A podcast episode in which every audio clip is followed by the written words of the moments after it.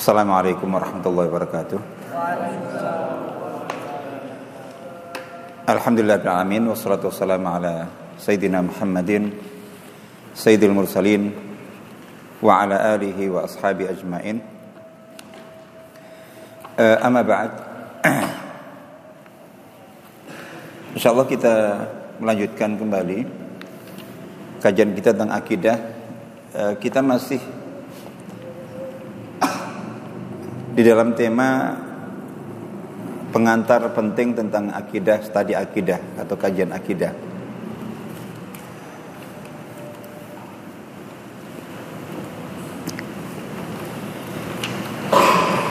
E, jadi seperti di dalam masalah fikih, begitu juga dalam masalah dakwah. Di dalam bidang akidah ini pun juga banyak sekali persoalan, permasalahan, perselisihan sampai ke level pertikaian yang mengakibatkan terjadinya berbagai dampak buruk yang melemahkan kekuatan kaum muslimin sepanjang sejarah Islam. Tidak hanya e, pada masa sekarang saja, tapi dalam e, masa yang sangat lama berabad-abad. Disebabkan karena persoalan, permasalahan, e, problematika dan perdebatan serta pertikaian itu memang menimbulkan perpecahan.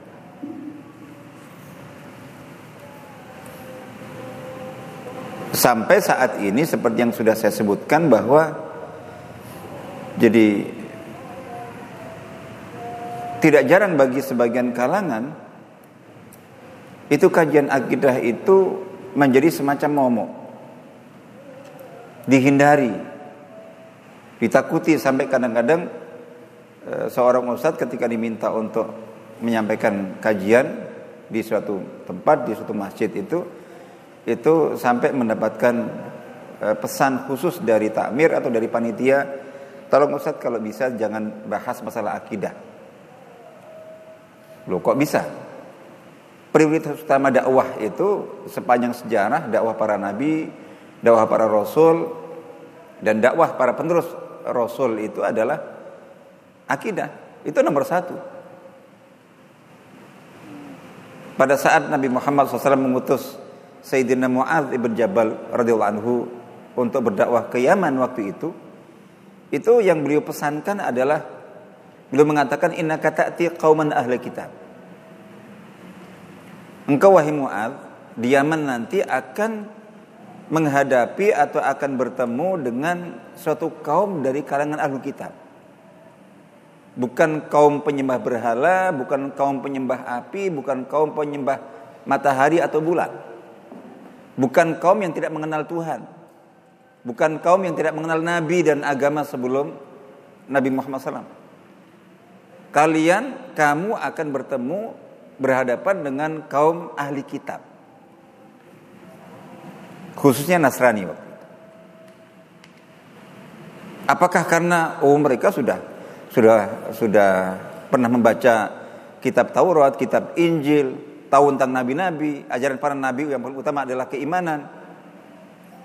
Masalah akidah tentu akrab dengan mereka. Apakah dengan begitu ya? Gak perlu kamu menyampaikan akidah, sampaikan saja langsung sholat, zakat, puasa, haji, tidak. Belum mengatakan faliyakun awwal ma tad'uuhum ilaihi syahadatu an la ilaha illallah. Hendaklah pertama kali yang kamu dakwahkan yang kamu ajakkan kepada mereka ahli kitab. Ahli kitab Taurat, ahli kitab Injil, ahli dalam ajaran para nabi dan uh, agama-agama sebelum Islam. Ahli. Kepada mereka pun hendaklah yang pertama kali engkau sampaikan adalah syahadat la ilaha illallah. Yaitu syahadat tauhid. Akidah pertama kali. Nah Ternyata tadi itu. Jadi karena akidah itu eh, di sebagian kalangan menjadi semacam momok, dihindari sampai dipesankan, tolong jangan bahas akidah. Loh, kenapa memang? Takutnya kalau akidah itu sensitif. Jadi berpotensi untuk memecah belah jamaah. Loh, loh, loh. Gimana ceritanya? Ini akidah yang kayak apa itu? Sepanjang sejarah itu akidah itu menyatukan. Loh kok ini malah sekarang akidah memecahkan? Dan seterusnya seterusnya. Nah, ini eh, apa itu?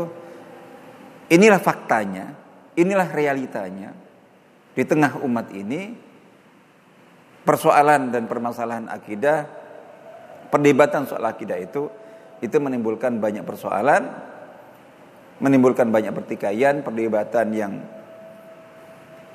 tidak hanya tidak produktif, tidak hanya tidak konstruktif, tapi bahkan sangat destruktif sekali sangat merusak, memecah belah umat. Itu bukan akidahnya, tidak mungkin.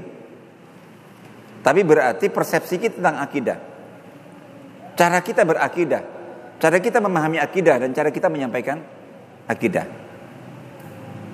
Nah, oleh karena itu mengapa saya uh, kemudian mengawali kajian akidah ini dengan uh, mengingatkan dengan beberapa poin catatan penting itu dalam studi akidah.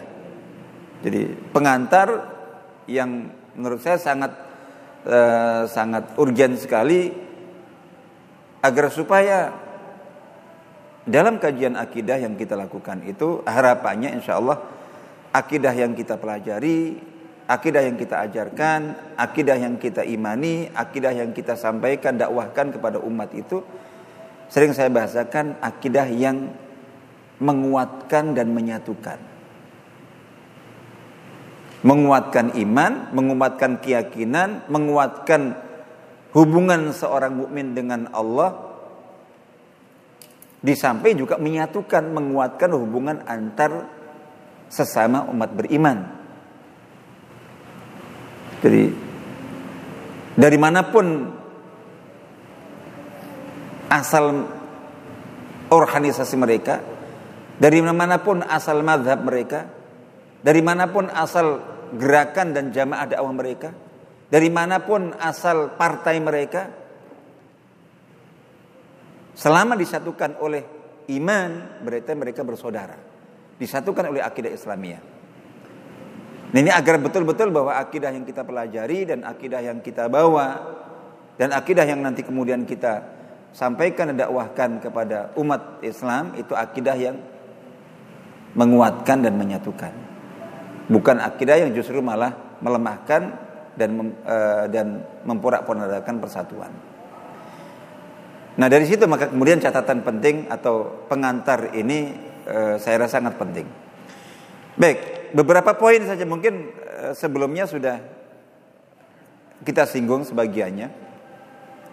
Tapi sekaligus mereview beberapa poin yang penting untuk kita perhatikan agar supaya akidah yang kita pahami, yang kita yakini, yang kita pedomani, pegangi itu dan kemudian kita jadikan e, pijakan dalam kita berislam, dalam kita mengamalkan Islam, dalam kita mendakwahkan Islam dan juga dalam sikap-sikap kita dalam hidup ini. Itu yang tadi akidah yang menguatkan dan menyatukan. Poin pertama, bahwa akidah yang kita pelajari dan kita imani itu adalah akidah ilmu akidah yang berbasiskan Quran Sunnah. Akidah Quraniyah Sunniyah. Bukan akidah yang berbasis filsafat dan pendekatan manhaj firoki istilah saya. Jadi berbasiskan manhaj firqah-firqah. Mengkaji akidah, mempelajari akidah dengan pintu masuk firqah-firqah. Akidah ala Mu'tazilah, akidah ala Syiah, akidah ala Khawarij, akidah ala Murji'ah, akidah ala Jahmiyah. Selanjutnya akidah ala ini, ala itu, ala ini. Bukan itu kemudian kita hapuskan. Itu fakta. Itu bagian dari dari hazanah keilmuan berbagai itu. Kemudian ada ada akidah ala uh, apa itu? Ala Asy'ariyah. Asy'ari akidah ala Maturidiyah. Akidah ala Salafiyah, Wahabiyah. Itu fakta yang ada. Tapi yang kita kedepankan ketika kita belajar akidah, apalagi untuk umat dan masyarakat umum itu, itu pendekatan kita pendekatan Qurani. Pendekatan kita pendekatan uh, Sunni. Pendekatan kita betul-betul pendekatan akidah Salafi. Salafinya Salafi sahabat. Bagaimana sih akidah Islam sebelum adanya Syiah, Mu'tazilah, Khawarij itu? Jadi kalau kita ingin betul-betul berakidah salafiyah itu itu kita kembalikan pemahaman dan orientasi akidah kita itu ke zaman sebelum adanya firqah-firqah. Zaman Nabi dan zaman sahabat. Bagaimana mereka memahami akidah? Bagaimana mereka mengamalkan akidah dan bagaimana mereka mendakwahkan akidah? Itu semuanya Quran Sunnah. Nah, di sini akidah Qur'aniyah, akidah Sunniyah itu memiliki beberapa karakteristik. Yang pertama tentu karena sumbernya Quran Sunnah, maka akidah itu akidah yang sahihah, wasalimah. Akidah yang benar dan lurus, murni. Tentu di sini maksudnya adalah ketika dalam kita merujuk Quran Sunnah itu tentu dengan metodologi dan melalui jalur ahlinya yang memang muktabar. Karena kalau sekedar klaim, lu saya juga dasarnya Quran Sunnah. Jadi gitu. Itu ketika tidak menggunakan metodologi baku para ulama sama jamaah, kacau juga. Tapi intinya gitu. Jadi bahwa akidah Quraniyah, Sunniyah itu ya jelas akidah yang sahih. Akidah yang lurus, akidah yang murni. Yang lebih penting itu lanjutannya. Yang kedua adalah bahwa akidah itu adalah akidah yang sahlah wa basitah. Kalau kita coba mencoba memahami akidah, belajar akidah dari Al-Qur'an, itu akidah itu mudah dan sederhana. Ini saya gabung langsung dengan karakteristik berikutnya fitriyah. Fitriyah itu sesuai dengan fitrah. Ditangkap langsung oleh fitrah manusia.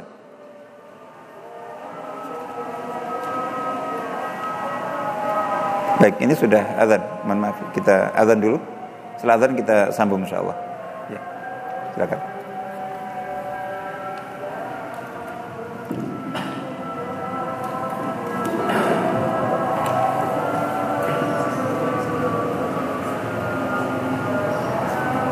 Allah.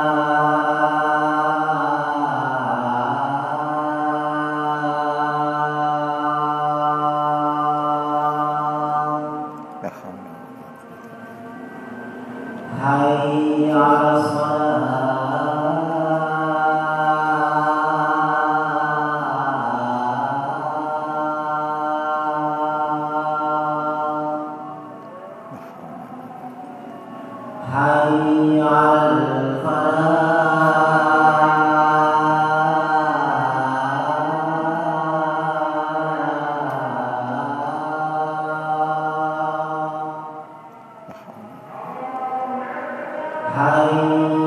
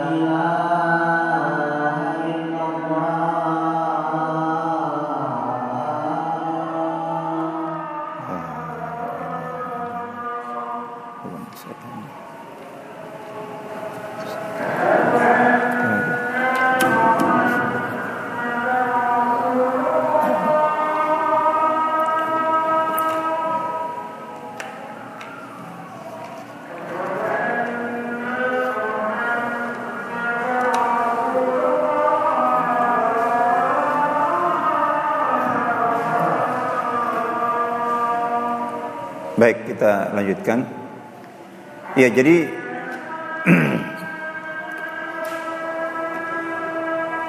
selain karakteristik sahihah salimah sahih benar dan murni lurus orisinil tentunya tentu tadi yang kita sebutkan bahwa ketika dalam kita mengambil akidah dari Al-Qur'an eh, dari Al-Qur'an itu itu tentu dengan eh, metodologi yang benar. Dan kita ambilnya melalui jalur ahlinya.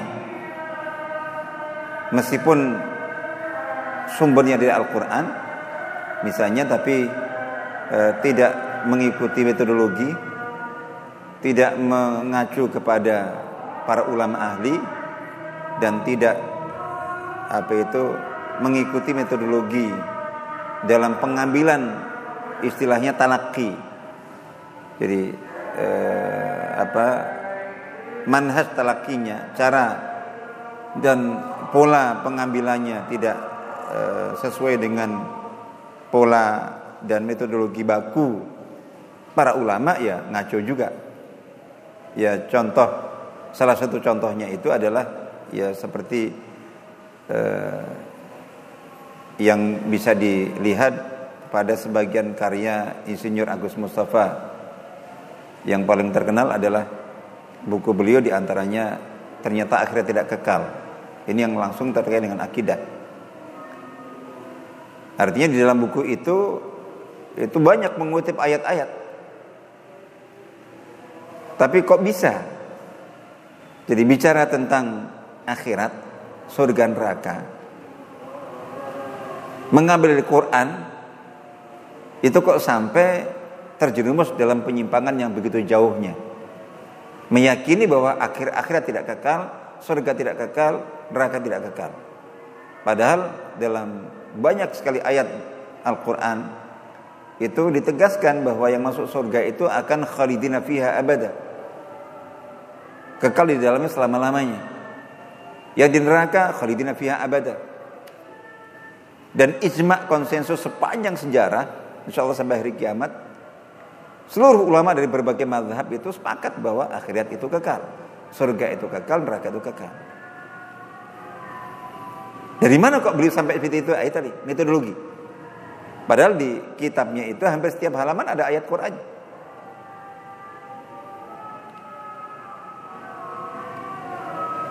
Dan hampir tidak ada kelompok eh, apa itu sesat mana pun termasuk yang paling sesat sekalipun selama mereka mengklaim dan mengaku sebagai muslim itu kecuali ya akan mengatakan sumber kami Quran minimal Quran bahkan termasuk kaum Ahmadiyah yang oleh banyak ulama sudah dihukumi berada di luar Islam. Bahkan di negara asalnya sana itu begitu. Itu Ahmadiyah itu itu sudah sudah tidak menjadi bagian dari umat Islam, tapi umat tersendiri. Umat apa ya? Umat Ahmadiyah.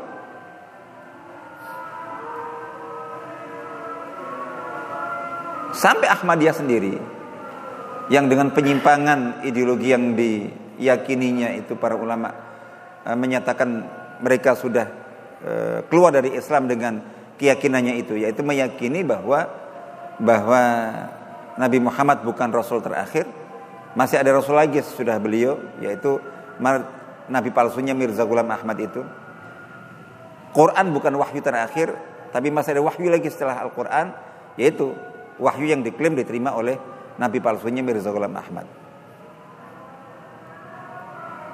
Mereka kaum Ahmadiyah sendiri itu itu juga mengaku dasar kami Quran. Jadi saya pernah ya bertemu dengan salah seorang ustadz mereka. Setelah itu kemudian lanjut komunikasi lewat eh, HP waktu itu cukup lama sekian tahun yang lalu. Itu mencoba mencoba untuk e, menyampaikan pemikirannya, keyakinannya, ideologinya dengan semangat pembenaran tentunya. Itu mendukung penjelasan dan apa yang disampaikannya itu dengan kutipan ayat nggak terhitung. Dikit-dikit ayat, dikit-dikit ayat, dikit-dikit ayat. Tapi pemikiran yang disampaikan itu nggak pernah didengar tidak pernah dikenal dalam khazanah pemikiran dan keilmuan Islam sepanjang 15 abad. Pakai ayat. Tapi tidak merujuk ke tafsir Ibnu Katsir, tafsir At-Tabari, tidak merujuk kepada tafsirnya Ibnu Abbas, tidak merujuk bahkan kepada ijma para sahabat. Jadi seolah-olah Quran itu baru turun kepada mereka. Dipahami, ditafsiri semaunya. Karena saya pernah gitu ketika saya bantah jadi para sahabat itu sepakat maksud ayat ini begini. Itu dibantah. Ya sudah, enggak saya teruskan. Nah, sampai kelompok yang eh, sesesat seperti Ahmadiyah saja itu juga mereka mengaku bahwa oh, kami juga dasarnya Quran. Tapi ya kacau balau karena apa? Metodologinya. Makanya tadi kita katakan bahwa ke Quran, ke sunnah tapi dengan metodologi dan manhaj yang tentu juga benar lalu kemudian melalui melalui uh, ahlinya fasalu ahla dzikri in kuntum la ta'lamun itu. Kemudian yang tadi kita sebutkan yang kedua adalah bahwa akidah Quraniyah, akidah yang berbasis Al-Quran itu itu di antara karakter, karakteristik utamanya adalah bahwa akidah itu akidah yang sahla wa basita. Mudah. Mudah dipahami, mudah ditangkap. Jadi itu oleh oleh ini oleh siapa pun, oleh orang Islam yang paling awam sekalipun. Orang Arab Badui sekalipun. Jadi profesor, doktor, yang paling pinter, cerdas memahami. Tapi orang awam buta huruf, orang badui itu juga bisa menangkap tentu masing-masing sesuai dengan kapasitas pemahamannya. Berbeda tentunya, tapi paham. Jadi gitu. Sementara antum kalau belajar akidah dengan pendekatan filsafat, dengan pendekatan firqah-firqah itu, memahami istilahnya saja bingung. Profesor saja bisa linglung. Apalagi orang awam. Jadi gitu. Dan karena memang akidah itu memang bukan untuk uh, apa ya? Jadi yang wajib berakidah Islam itu bukan hanya orang orang terpelajar, ilmuwan, orang terdidik, termasuk orang yang paling awam. Kalau akidahnya bisa dipahami oleh orang-orang yang yang pemikirannya eh, selevel Imam Ghazali terus kemudian para ulama sebelumnya. Jadi berarti akidah hanya untuk mereka. Tidak. Akidah termasuk untuk orang yang paling awam sekalipun. Berarti standarnya ya harus bisa dipahami, bisa diterima oleh mereka karena eh, terkait dengan hukum mempelajari Islam dan memiliki ilmu tentang Islam itu ada yang hukumnya fardu ain bagi semua umat Islam termasuk yang paling awam sekalipun. Wajib belajar wajib tahu wajib paham. Apa itu? Yaitu eh, segala sesuatu segala sesuatu segala pengetahuan segala segala ilmu tentang Islam yang menjadi syarat. Sahnya dan benarnya keislaman seorang muslim, keimanan seorang mukmin.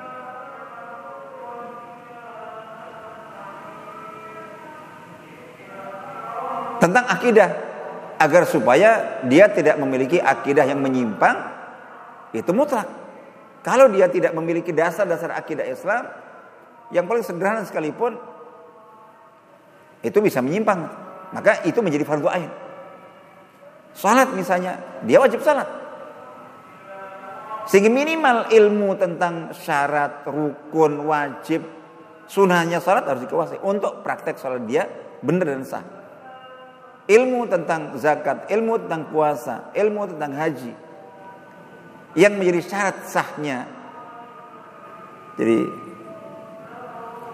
praktek keislaman dia itu fardu ain. Nah, termasuk akidah. Jadi tentu yang paling paling minimal ya seperti itu.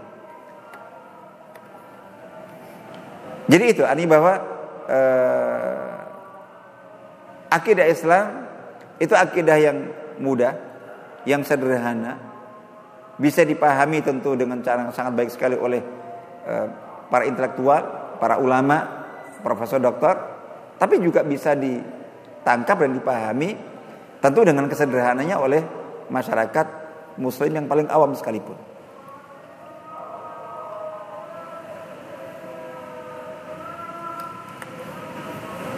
Terus bahwa akidah itu fitriyah sesuai dengan fitrah. Artinya fitrah. Jiwa manusia yang masih suci, masih murni itu akan akan apa? akan klop, akan e, nyambung, akan mudah untuk bisa mencerna. Ya ketika di dalam Al-Quran Itu kan untuk berakidah itu kita diarahkan untuk tafakur Jadi kita tafakur tentang penciptaan langit, bumi, seisinya ini Dia sederhana Jadi Salah seorang Arab Badui dulu itu mengatakan itu e, sebagaimana. Jadi dia membuat analogi sederhana. Sebagaimana bekas pijakan kaki kuda itu menunjukkan bahwa tadi ada kuda lewat sini. Bekas pijakan kaki onta menunjukkan berarti yang tadi lewat sini adalah onta.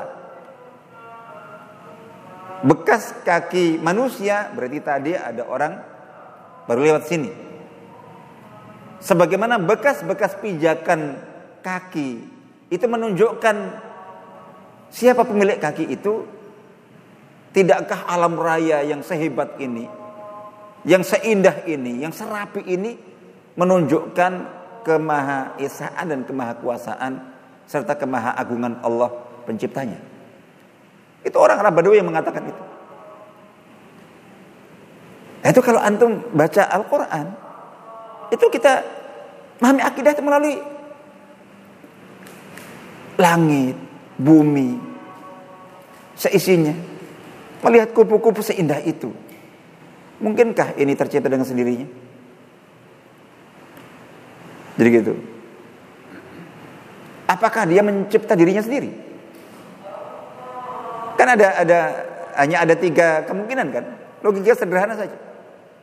Jadi semua itu ima dia tercipta dengan sendirinya. Atau yang kedua itu dia menciptakan dirinya. Gimana caranya? Sebelum dia ada kan dia nggak ada. Bagaimana dia bisa mengadakan dirinya sendiri yang sebelumnya tidak ada? Dia harus ada dulu. Nah, kalau sudah ada, siapa yang mengadakan? Jadi kayak itu. Ada dengan sendiri nggak masuk akal, jadi gitu. Terus kemudian uh, dia mengadakan diri sendiri nggak masuk akal. Yang ketiga berarti ada. Selain dia yang menciptakannya dan mengadakannya, itu baru masuk akal. Dan yang mengadakannya nggak mungkin sama dengan yang diadakan itu. Makanya ada cerita, wallah alam, saya juga tidak uh, apa itu, tidak ingat dan tidak sempat untuk tabayun untuk klarifikasi, tapi uh, cerita yang lama sekali saya dengar dan saya baca. Jadi diceritakan di situ bahwa Imam Abu Hanifah rahimahullah itu pernah ditantang debat oleh orang ateis. Orang yang tidak mengakui adanya Tuhan, mengingkari adanya Tuhan. Dan mereka menyatakan bahwa alam ini kalau bukan Tuhan yang menciptakannya siapa? Ya ada dengan sendiri begitu saja. Mereka meyakini bahwa seluruh uh, alam raya dan seisinya itu itu ada dengan sendirinya. Oke, akhirnya disepakati waktunya. Jadi akhirnya ketika diumumkan di masyarakat, sehingga masyarakat e, pada hari hari itu berbondong-bondong, terus kemudian dari kalangan artis itu ngumpul sebelum waktunya yang disepakati. Tapi ditunggu-tunggu Imam Abu Hanifah nggak muncul-muncul sampai waktu yang disepakati untuk mulainya perdebatan itu, polemik itu, beliau nggak ada juga. Jadi ini para ateis ini menyangka oh Imam Abu Hanifah takut ketemu kita, takut kalah dalam debat, sehingga nggak berani datang. Sementara uh, umatnya Imam Abu Hanifah mengatakan nggak mungkin itu. Jangan-jangan terjadi sesuatu pada beliau. Jangan-jangan, jangan-jangan, jangan-jangan itu. Jadi nggak mungkin beliau uh, sampai takut kepada orang ateis untuk debat tentang masalah keislaman yang paling mendasar. Jadi ditunggu, tunggu, tunggu lama sampai mereka hampir uh, putus asa dan capek menunggu. Jadi gitu. Dan kelompok ateis merasa bahwa sudah menang. Karena berarti uh, lawannya tidak berani datang. Tapi ketika mungkin barangkali mereka sudah hampir buyar itu tiba-tiba datang. Belum datang tergopoh-gopoh. Jadi gitu. Berlari-lari kayak ngos-ngosan begitu. Jadi gitu. Begitu sampai jadi begitu sampai itu itu eh, saya mohon maaf. Jadi saya terlambat. Itu karena kan saya kan tinggal di seberang sungai. Sehingga ketika saya saya sudah berangkat jauh sebelum waktu yang kita sepakati untuk mulai perdebatan ini. Jadi gitu. Tapi saya kemudian dihalang oleh sungai. Begitu saya di, uh, sampai di tepi sungai itu, saya tidak menemukan tidak ada jembatan, tidak ada juga perahu penyeberangan. Sehingga akhirnya saya ini uh, apa itu saya nunggu di apa di apa di pinggir sungai di pantai sungai itu. Jadi nah saat saya sedang merenung ini dengan cara apa saya akan menyeberang ini? Jadi saat saya merenung seperti itu tiba-tiba pohon-pohon besar yang ada di pinggir-pinggir sungai itu tiba-tiba itu roboh dengan sendirinya. Tidak tanpa angin, tanpa hujan, tanpa apa-apa. Oh, besar-besar. Terus kemudian saya lihat aja. Pohon besar itu terpotong-potong dengan sendirinya. Tergergaji dengan sendirinya. Menjadi lempengan-lempengan papan. Jadi gitu. Ketika dengar begitu itu mereka sudah jadi ini umatnya uh, apa itu? Umatnya Imam Abu Hanifah kaget dan bingung. Percaya nggak percaya mana mungkin itu terjadi? Tapi masa beliau bohong? Sementara terus diceritakan terus sampai apa itu? Nggak mungkin terus lanjut beliau dikata bahwa setelah itu apa belahan-belahan ini eh, pohon tadi itu yang menjadi papan-papan itu tiba-tiba tergergaji alus dengan sendirinya. Seolah tergergaji. Terus kemudian tiba-tiba berjajar dengan sendirinya. Jadi gitu. Intinya akhirnya terus berjajar membentuk perahu dengan sendirinya. Akhirnya perahu itu mendekat ke saya, lalu kemudian saya naik dan kemudian perahu itulah yang menyeberangkan saya eh, sampai sini. Tapi ya itu tadi, akhirnya saya akhirnya terlambat. Wah itu bingung itu, mungkin uh, yang hadir semuanya bingung. Tapi si kelompok artis ini mengatakan mustahil, nggak mungkin. Imam bupahannya bohong berarti. Mana mungkin itu pohon terpotong-potong dengan sendirinya, tergergaji dengan sendirinya, menjadi belahan-belahan papan-papan dengan sendirinya, terus membentuk diri menjadi uh, apa, satu perahu untuk Nggak mungkin itu. Jadi nggak mungkin. Loh kenapa nggak mungkin? Ini hanya perahu. Apa susahnya perahu itu? Itu terbentuk dengan sendirinya.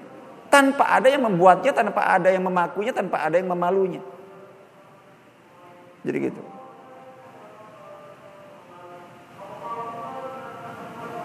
Bukankah kalian yang mengatakan bumi seisinya yang begitu rapi ini langit, planet, bintang, bulan yang tidak pernah tabrakan itu itu terjadi dengan sendirinya. Apa susahnya kalian mempercayai ini? Perahu sederhana. Lebih rumit mana menciptakan ini semuanya? Jadi bingung begitu sampai ke sana itu. Jadi kalau ini saja nggak kalian percaya dan itu mustahil, seharusnya kalian kalau berpikir sedikit saja karena mengatakan bahwa ini mustahil alam yang seindah ini, serapi ini. Jadi itu bisa terjadi dengan sendirinya tanpa pencipta, tanpa pembuat. Nah ini memang karangan, sengaja beliau karang seperti itu. Itu oh udah tahu maksudnya para apa itu hadirin yang tadinya bingung, kaget, percaya nggak percaya, akhirnya tahu maksudnya itu bersorak-sorai akhirnya ateis itu nggak bisa ngomong apa-apa. Jadi ini mirip dengan uh, cerita kalau ini perdebatan antara salah seorang ulama, saya lupa Imam Syafi'i atau Imam Ahmad bin Hambal atau yang lainnya. Itu mau debat dengan dengan apa? Dengan orang Syiah. Jadi gitu, orang Syiah. Habis itu kemas udah begitu datang ya beda tapi tapi secara ini secara cara dan debat mirip. Dari ketika masuk ke tempat majelis perdebatan itu imam ini apa melepas sandalnya dan membawa masuk sandalnya. Yang lainnya kan tinggal di luar, kayak antum tinggal masih di apa itu di luar. Ini dibawa masuk. Dibawa masuk. Mereka kaget. Jadi itu. Kenapa kok imam membawa masuk menenteng sandal? Iya, soalnya saya dengar itu dulu orang Syiah di zaman Rasulullah itu itu suka nyuri sandal. Jadi gitu. Kalau orang Syiah zaman Rasulullah nyuri sandal apalagi sekarang saya takut. Jadi, oh, imam ngaco mana mungkin? Kan zaman Rasulullah belum ada Syiah. Mereka yang mengatakan itu.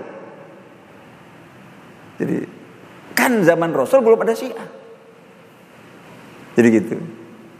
Nah begitu mereka mengatakan, Loh, kalau zaman Rasul nggak ada Syiah itu, terus agama kalian ini, keyakinan kalian itu dari mana? Jadi gitu. Udah, berarti perdebatan kita selesai. Artinya berarti keyakinan kalian, akidah kalian, agama kalian itu tanpa dasar. Kalian yang mengatakan nggak ada zaman Rasul. Kalau kami yang kami yakini sejak zaman Rasul, zaman sahabat, zaman tabiin ada. Jadi, nggak ini ini dalam konteks itu. Baik, uh, kembali yang tadi kita sebutkan. Jadi kalau kita membaca ayat-ayat, jadi ayat-ayat ketika Allah Taala berfirman tentang langit, tentang bumi, coba kan. Jadi afala yang zurna ilal ibili kaifa khuliqat? Wa ila samai kaifa rufi'at? Wa ila jibali kaifa nusibat? Wa ila ardi kaifa sutihat? Jadi gitu. Mengajak kita untuk merenungkan. Itu bagaimana apa itu bagaimana unta diciptakan. Jadi gunung itu dipancangkan ditinggikan langit diangkat tinggi bumi dihamparkan jadi kalau ini untuk yang lebih tinggi ilmunya, masyarakat awam sederhana saja coba. Jadi coba perhatikan semut, bagaimana kehidupan mereka. Perhatikan ini, perhatikan. ini itu cara. Yang semuanya itu begitu kita renungkan dengan perenungan yang paling sederhana saja, itu pasti ujungnya itu iman. Ujungnya akidah. Kenapa? Fitrah. Nyambung, gampang dipahami. Kayak tadi itu, Badui mengatakan itu. Ini bekas pijakan. Kelihatan ini. Bentuknya itu pijakan kaki onta. Bentuknya pijakan kaki kuda. Bentuknya pijakan kaki manusia. Itu menunjukkan siapa yang tadi baru lewat. Jadi, tidakkah alam raya dengan seisinya semuanya ini tidak menunjukkan uh, bagi kita akan adanya zat pencipta yang paling agung yang paling berkuasa. Jadi gitu. Ya kayak di surat Al apa itu? Al Imran ayat 100. Eh, eh ayat ya. Berapa? 190 191. Itu yang tentang ulul albab itu.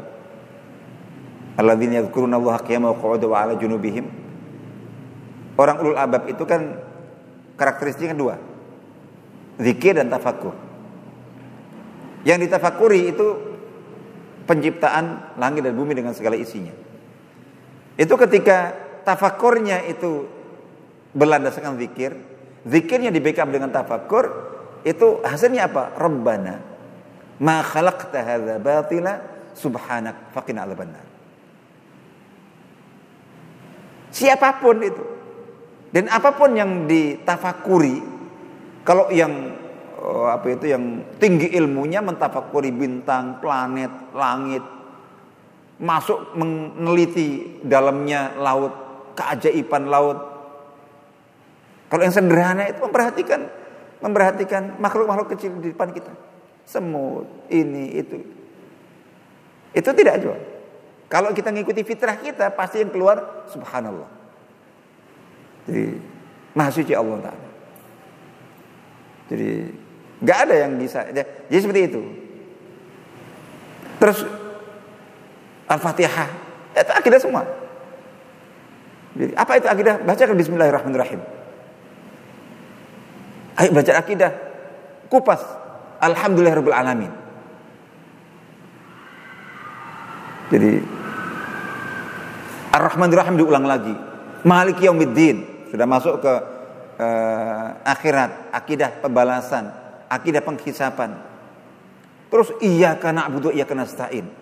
Ini akidah. Jadi Imam Ibnu Qayyim mensyarah menjelaskan tafsir ayat ini itu dalam sebuah kitab kalau tidak salah empat jilid. Judulnya Madari Salikin fi manazili na'budu iya karena stain. Jelaskan ini. Ini akidah. Apa itu akidah? Iya karena dia stain. Enggak akan. Terus kemudian uh, ihdinas dan seterusnya. Jadi bacakan ayat kursi. Ada nggak paham tentang ayat kursi? Jadi gitu. Itu akidah semua itu. Terus al-ikhlas, kul huwallahu ahad, kul a'udzu birabbil falaq, kul a'udzu birabbin nas. Kul ya ayyuhal kafirun dan seterusnya. Nah, itu ini bahwa akidah yang pasti benar dan orisinil, akidah yang mudah dan memudahkan, tidak jelimet, tidak macam-macam kayak gitu, membingungkan. Terus langsung uh, ketemu dengan fitrah manusia, mudah menangkapnya. Nah, yang kemudian uh, paling penting dalam akidah Islamiyah Quraniyah, akidah Islam berbasis Quran dan Sunnah itu itu sifatnya amalia, berorientasi pada amal. Artinya belajar akidah untuk dipraktekkan, untuk diimplementasikan. Sementara kalau kita belajar akidah dengan tadi pendekatan filsafat, pendekatan logika yang uh, apa itu uh, yang yang dalam-dalam pendekatan tadi akidah ala firqa-firqa itu itu orientasinya untuk debat. Allah dibahas saja. Jadi kita belajar ma'rifatullah itu bukan untuk kita bahas kita permasalahkan, kita perdebatkan untuk kita imani.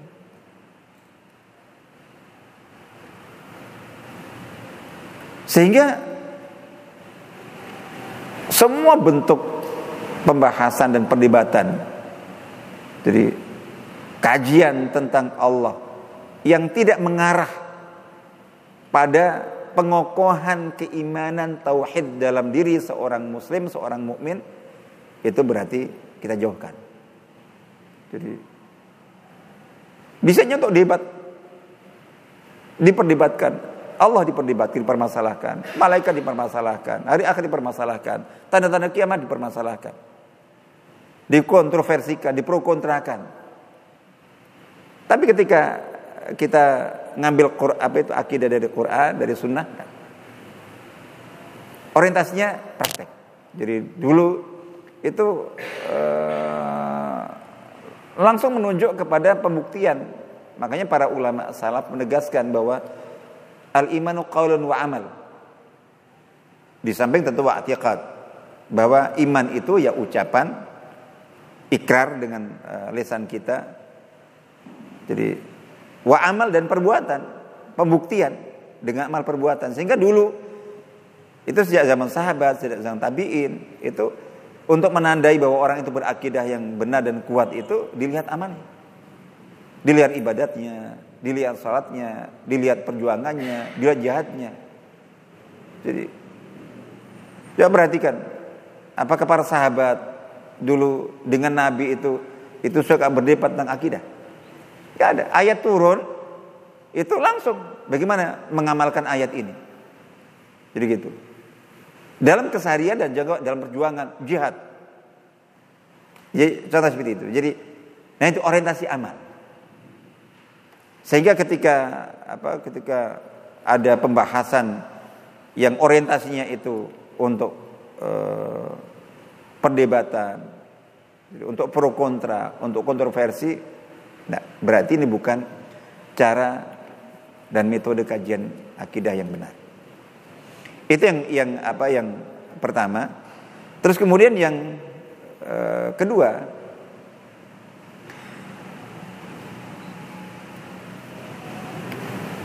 kita berusaha berkomitmen untuk memupus dan memutus mata rantai warisan perselisihan dan perdebatan seputar akidah yang sangat tidak produktif bahkan sangat destruktif.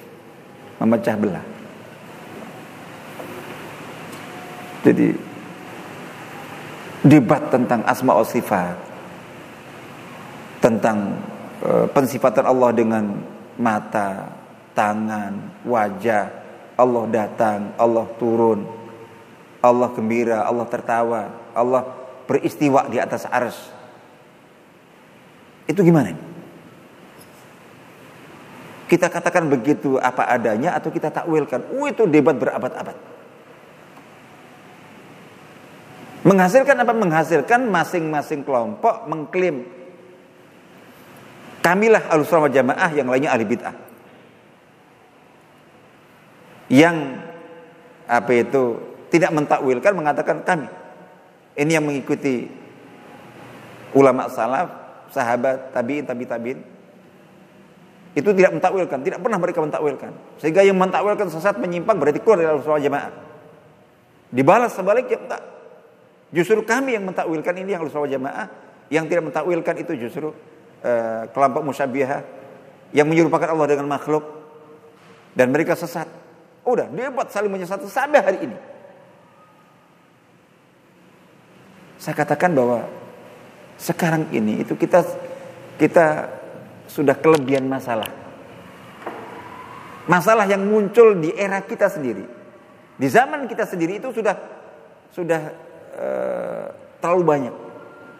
Sehingga kita nggak butuh mengimpor lagi masalah-masalah lama yang diwarisi dari abad pertengahan, dari abad uh, dari abad ketiga, empat tiga hijriah, empat hijriah sampai enam tujuh hijriah.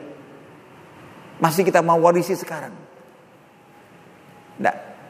Jadi apalagi yang real terbukti masalah itu kemudian e, menjadi salah satu faktor pemecah belah umat. Artinya gimana? Kita tidak masuk ke perdebatan itu. Kalau kita begitu kita bahas akidah, itu kita membahas kita dengan cara yang menghindarkan forum kajian akidah kita dari perdebatan Eh, klasik yang hanya menghasilkan eh, perpecahan di antara umat. Jadi semangat kita semangat memutus mata rantai. Sepanjang sejarah ada. Ambillah sebagai contoh dalam hal dalam dalam fikih. Ada masa-masa kelam. Masa-masa ta'asub, fanatisme buta antar mazhab terjadi juga zaman zaman-zaman tertentu. Itu di mana hubungan antar penganut madhab itu masya Allah ekstrim sekali. Sampai-sampai di Masjidil Haram pada masa-masa itu saya juga uh, tidak apa tidak tahu persis persisnya kapan, tapi itu yang jelas uh, pernah terjadi.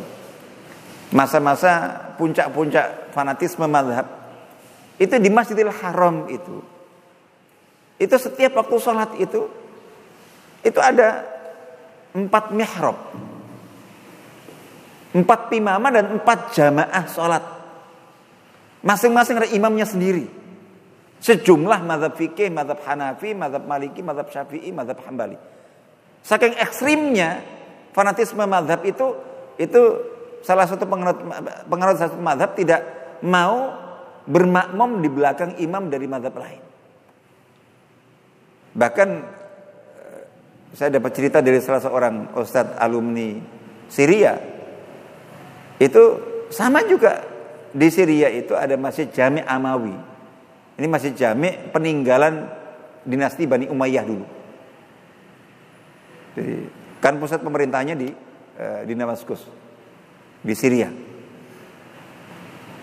Itu dulu juga begitu. Bahkan sampai sekarang bekas pimaman masing-masing madhab itu di dalam satu masjid itu masih ada. Cuma sudah nggak dipakai. Jadi, nah sampai ada di antara mereka yang eh, apa? Jadi fanatisme antar madhab itu zaman itu itu sampai ada yang yang menghukumi ulamanya, ulama satu mazhab itu menghukumi lelaki penganut mazhabnya tidak boleh, tidak sah, tidak halal menikah dengan perempuan dari mazhab lain.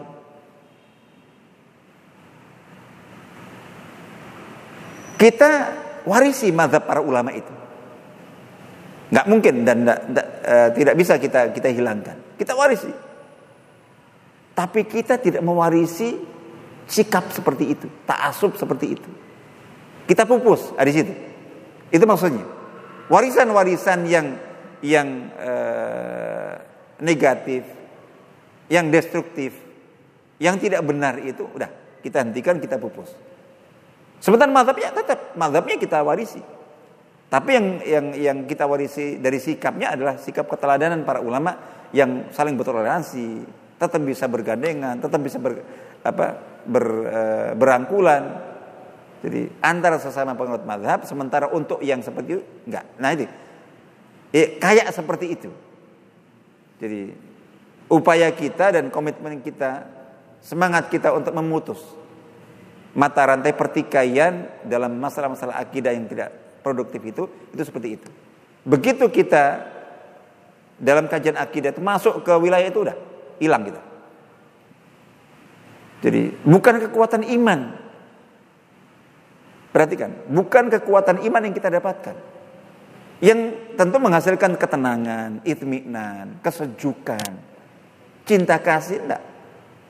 Ketika kita antum belajar akidah dengan pola seperti itu, mempertahankan warisan perpecahan itu, itu kebencian yang pertama kali muncul. Yang mengikuti mazhab mazhab apa mazhab non takwil membenci yang mentakwilkan. Padahal yang mentakwilkan para ulama kita yang selama ini kita agungkan. Yang bermazhab takwil itu membenci yang tidak mentakwilkan. Padahal yang tidak mentakwilkan para ulama salaf dulu. Jadi malah malah kebencian begitu kita ini kan. Nah, seperti yang tadi kita sebutkan ketika ada yang berpesan agar jangan bahas akidah, memang kalau akidah seperti ini memang nggak boleh dibahas, haram bahkan. Membahas akidah dengan pola seperti itu memang memecah belah. Jadi kayak gitu. Tapi betulkah itu akidah Quran Sunnah? Betulkah itu akidah e, para sahabat? Betulkah itu akidah salafus saleh? Ya tentu tidak. Nah, itu itu kita pupus. Kemudian yang ketiga itu di antara di antara apa? Di antara panduan kita, pedoman kita, kaidah kita dalam mempelajari akidah ini adalah bahwa orientasi kita dalam dalam mengkaji akidah itu itu fokus pada substansi. Sementara hal-hal formalitas, kemasan-kemasan, bungkus dalam bentuk istilah-istilah, metode tertentu, jadi gitu, formula tertentu dalam menjelaskan akidah itu relatif, pilihan. Kalau kita lihat kok relevan dan bagus kita pakai, kalau tidak, yang penting substansinya. Mengapa ini kita tegaskan? Karena di antara yang menjadikan akidah itu itu berubah dari unsur dan faktor penyatu menjadi faktor pemecah belah itu yang memecah belah itu nggak mungkin substansi akidah, esensi akidah. Tapi hal-hal bungkus kulit. Pola penjelasan. Iman itu seperti apa? Tauhid itu bagaimana? Tauhid itu terbagi berapa? Begitu kita membakukan pembagian tauhid tiga dengan istilahnya rububiyah uluhiyah asma sifat uh langsung rame langsung uh, umat pecah belah hanya gara-gara sebutan rububiyah uluhiyah asma sifat yang kemudian dikenal dengan nama trilogi tauhid. Apakah yang dipermasalahkan itu isinya, substansinya? Sama sekali saya jamin 100%, 1000%. Pokok masalahnya, substansinya sepakat semuanya. Tapi kenapa kok ini sangat sensitif sekali? Istilahnya. Jadi gitu. Kalau begitu, ya sudah. Dan itu sangat mudah kita buktikan. Jadi begitu kita hindari istilah itu, kita fokus pada substansinya, nggak ada masalah sama sekali. Jadi gitu. Kadang-kadang ya karena sudah sudah kadung ya, sudah kadung uh, ya sensinya tinggi. Tadi itu sudah terkotak-kotak. Misalnya saya mau menyampaikan kajian akidah. Ini masyarakat yang heterogen. Terus saya bawa. Jadi yang saya bayar yang saya pakai e, pedoman pegangan adalah kitab tauhid oleh Syekh Muhammad e, Abdul Wahab. Muhammad bin Abdul Wahab. Jadi gitu. Wais Wah, yang selama ini dengar tengah saya Muhammad Abdul Wahab Wahabi kitab tauhid menyimpang sesat kayak gitu belum saya baca udah buyar semua jamaah mungkin barangkali. Atau sebagian besar jamaah udah buyar. Atau ketika saya pakai ini pakai itu kayak gitu. Jadi gitu. Nah itu kita katakan eh ini judul. Sampai ada cerita untuk memastikan bahwa yang ditolak itu bukan isinya. Tapi sampulnya yang ada nama Muhammad bin Abdul Wahab itu pernah ada cerita. Jadi salah seorang ulama besar diceritakan ya karena informasi yang beliau dapatkan tentang Muhammad bin Abdul Wahab itu itu negatif semuanya. Jadi gitu. Dan sebagiannya berupa fitnah. Itu sampai beliau terbentuk apa sikap kebencian yang sampai ubun-ubun. Kenapa saya katakan sampai ubun-ubun itu? Itu karena diceritakan dalam dalam apa dalam kisah itu dicerita itu bahwa ulama ini tiap hari ada kajian itu di hampir setiap penghujung menjelang penutup kajiannya itu hampir nggak pernah lupa memanjakan doa khusus berupa doa laknat untuk Muhammad bin Abdul Wahab. Saking e, barok dan bencinya itu. Ini ada ada salah seorang e, peserta e, kajiannya itu prihatin karena beliau tahu persis biasa baca dan tahu sejarahnya Syekh Muhammad Abdul seperti apa, baca buku-bukunya. Terus kenal Syekh ini, ini Syekh yang sangat ikhlas, alim. Cuman sayang informasi yang beliau terima tentang Muhammad itu itu uh, yang serba negatif, fitnah. Tapi gimana caranya? Ini ini Syekh besar. Gimana caranya untuk mengingatkan? Jadi gitu. Akhirnya beliau dapat apa itu uh, inspirasi. Kitab kitab tauhid. Kitab tauhid karya Muhammad bin Rahab itu itu di apa dilepas sampulnya. Sehingga kitab itu tanpa sampul, tanpa uh, tertulis siapa penulisnya. Terus orang ini datang ke Syekh itu setelah selesai kajian itu e, berpura-pura berpura-pura bahwa beliau ingin konsultasi, mengaku menemukan kitab ini dan kitab ini tanpa sampul. Jadi gitu. Ini saya coba buka-buka gitu kok kayaknya bagus. Cuman saya pengen tahu bagaimana menurut Syekh kitab ini kitab yang baik untuk saya baca pelajari atau kitab yang nggak bagus. Ini terus ini karangan siapa? Nggak ada sampulnya sih. Jadi kayak gitu. Jadi mohon saya berkenan untuk menelaah. Jadi gitu. Ya nanti eh, saya sampaikan bagaimana eh, pendapat saya tentang kitab ini. Udah dibaca. Jadi gitu. Dibawa pulang, dibaca, semangat ketika membaca buku itu sampai langsung habis tuntas nah besoknya itu beliau sebelum mulai kajiannya itu langsung nyari siapa kemarin yang bawa kitab ini jadi gitu Ini belum ini, belum karena belum tahu ini sikap reaksinya Syekh kayak apa. Ada di situ tapi belum langsung langsung menampakkan diri. Jadi beliau ingin tahu dulu. Jangan-jangan Syekh malah marah ini kayak gitu. Ternyata beliau lanjutkan. Saya belum pernah menemukan kitab sebagus ini, sehebat ini. Jadi gitu. Saya baca sampai tuntas, bagus sekali. Dipuji setinggi langit kitab itu. Jadi gitu. Nah setelah tahu persis bahwa Syekh itu akhirnya e, ternyata setuju dengan isi kitab itu. Itu akhirnya baru yang bawa kitab itu e, menampakkan diri. Saya Syekh. Jadi gitu. Nah mungkin tidak di forum itu ya. Ketika sendirian itu.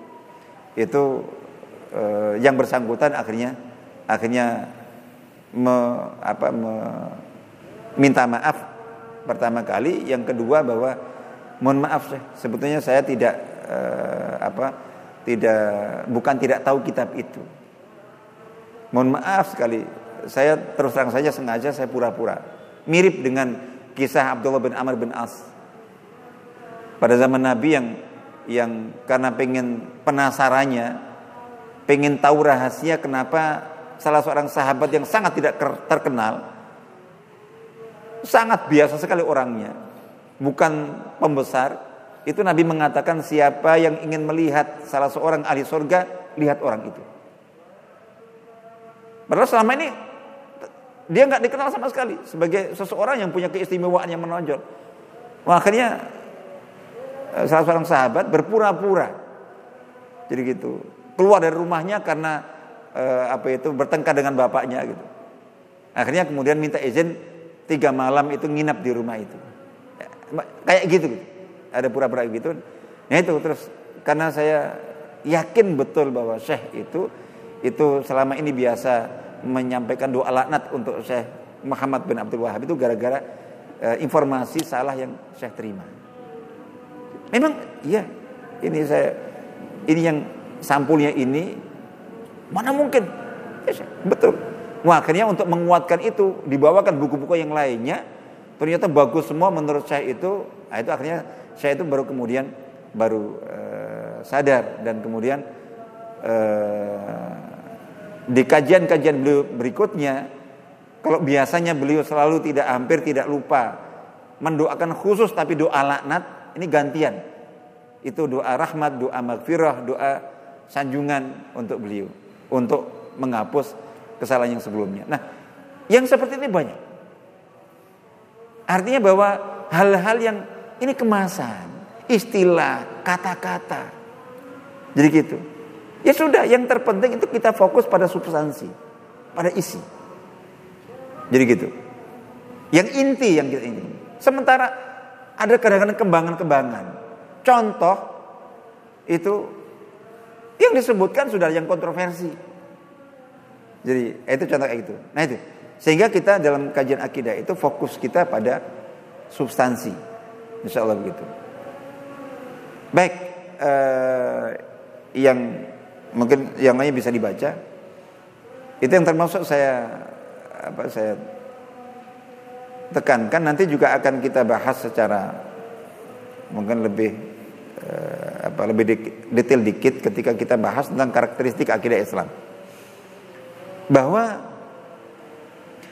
akidah Islam yang kita pelajari itu haruslah akidah Islam yang bisa menjadi sibghah. Sibghah pewarna dan pembentuk kepribadian. Membentuk sikap. Membentuk pola pikir. Jadi gitu. Nah, akidah yang mensibwah kepribadian dan ke, ke apa? kehidupan ini itu akidah walak barok, akidah furqaniyah. Akidah yang ketika dipelajari seseorang itu akan mendikte hidupnya mendekte pilihan-pilihannya. Dia memiliki garis furkon yang jelas dalam hidupnya. Jadi menentukan pilihan di bidang apa pun itu kalau bisa yang ideal adalah penentunya akidah. Ini mau melangkah. Saya melangkah ke depan atau ke belakang. Itu penentunya akidah. Jadi gitu. Jadi akidah itu adalah itu penentu, pembentuk, pengarah. Jadi gitu. Guide bahkan way of life. Jadi kita bawa kita apa saja. Jadi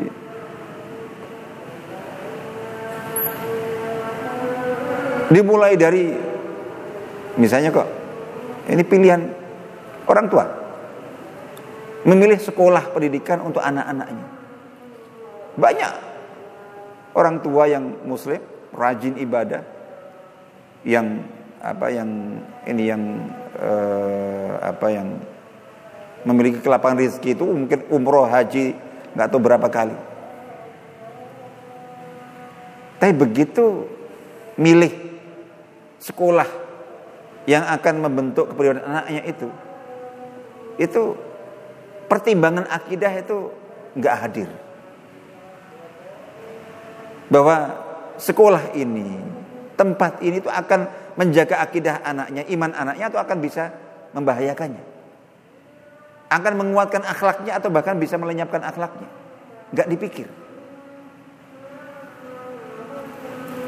Sampai juga nanti seseorang cari jodoh, sampai seseorang cari pekerjaan. Dan semua pilihan dalam kehidupan ini sampai pilihan politik dan segala macam. Memilih teman, memilih kawan, itu yang bicara akidah. Setidaknya minimal akidah menjadi salah satu faktor pertimbangan yang paling utama.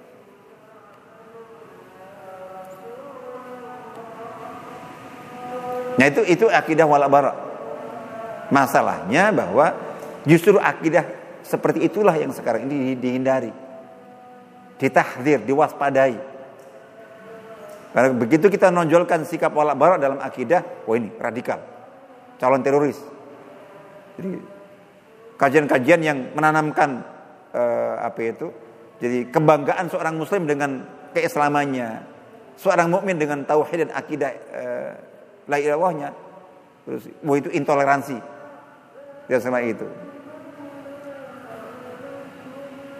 Nah ini ini yang yang kita harapkan, insya Allah Ketika kita dalam mengkaji akidah, belajar akidah, apa me, me, praktekkan akidah dan juga mendakwakan akidah itu orientasi kita ke sana.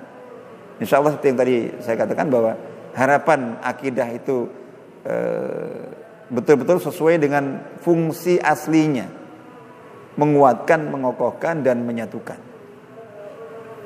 Jadi, mengokohkan dan menguatkan kepribadian seorang mukmin dalam berbagai sikap hidupnya. Jadi jelas ya. Artinya bahwa ini orang beriman itu punya syaksiah kepribadian yang mutamayizah.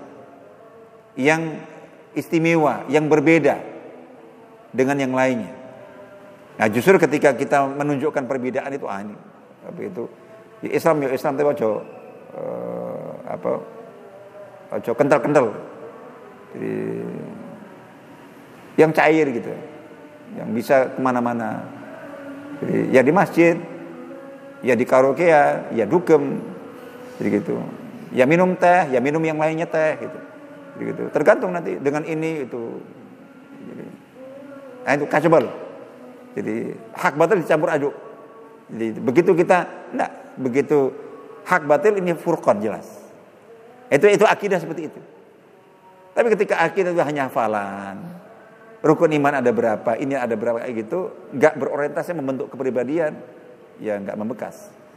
Baik, insya Allah itu uh, apa itu? Ini secara umum review untuk uh, bagian pertama pengantar penting tentang studi akidah. Jadi sehingga uh, ketika saat ini ditanya bahwa ini akidah yang dipelajari di sana itu akidah eh, apa itu mazhab apa jadi Ash'ari, Maturidi atau Salafi ya katakan mazhab Al-Quran Sunnah Atau akidah madhab al-sunnah jamaah. Udah jelas kita. Ya al-sunnah yang, yang mana? Ya, al-sunnah jamaah yang asli. Baik, insya Allah itu kita cukupkan. Uh, insya Allah nanti kita sambung kembali. Ada pertanyaan sebelum kita akhiri? Atau sudah larut ini? Waktunya sudah. Baik, kalau uh, tidak ada kita cukupkan sampai di sini. Assalamualaikum warahmatullahi wabarakatuh.